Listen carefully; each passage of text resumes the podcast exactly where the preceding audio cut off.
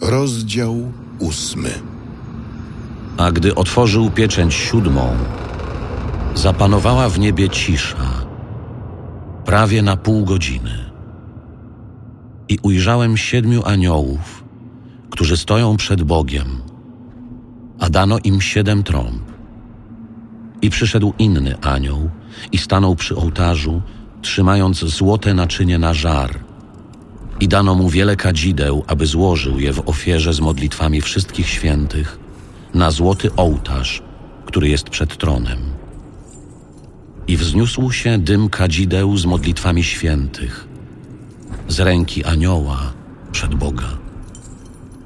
Anioł zaś wziął naczynie na żar, napełnił je ogniem z ołtarza i zrzucił na ziemię. A nastąpiły gromy, głosy, błyskawice, trzęsienie ziemi. A siedmiu aniołów, mających siedem trąb, przygotowało się, aby zatrąbić. Pierwszy zatrąbił. A powstały grat i ogień pomieszane z krwią i spadły na ziemię. A spłonęła trzecia część ziemi i spłonęła trzecia część drzew i spłonęła wszystka trawa zielona. Drugi anioł zatrąbił.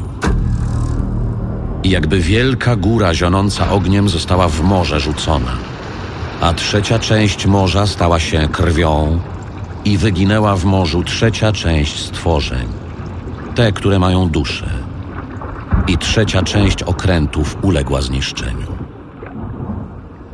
Trzeci anioł zatrąbił i spadła z nieba wielka gwiazda, płonąca jak pochodnia, a spadła na trzecią część rzek i na źródła wód. A imię gwiazdy brzmi Piołun. I trzecia część wód stała się piołunem. I wielu ludzi pomarło od wód, bo stały się gorzkie.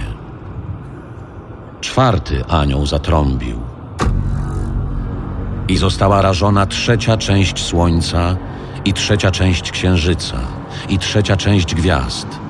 Tak, iż zaćmiła się trzecia ich część i dzień nie jaśniał w trzeciej swej części i noc podobnie.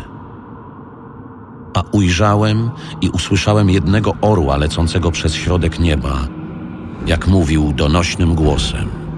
Biada, biada, biada mieszkańcom ziemi z powodu pozostałych głosów trąb trzech aniołów, którzy mają jeszcze trąbić.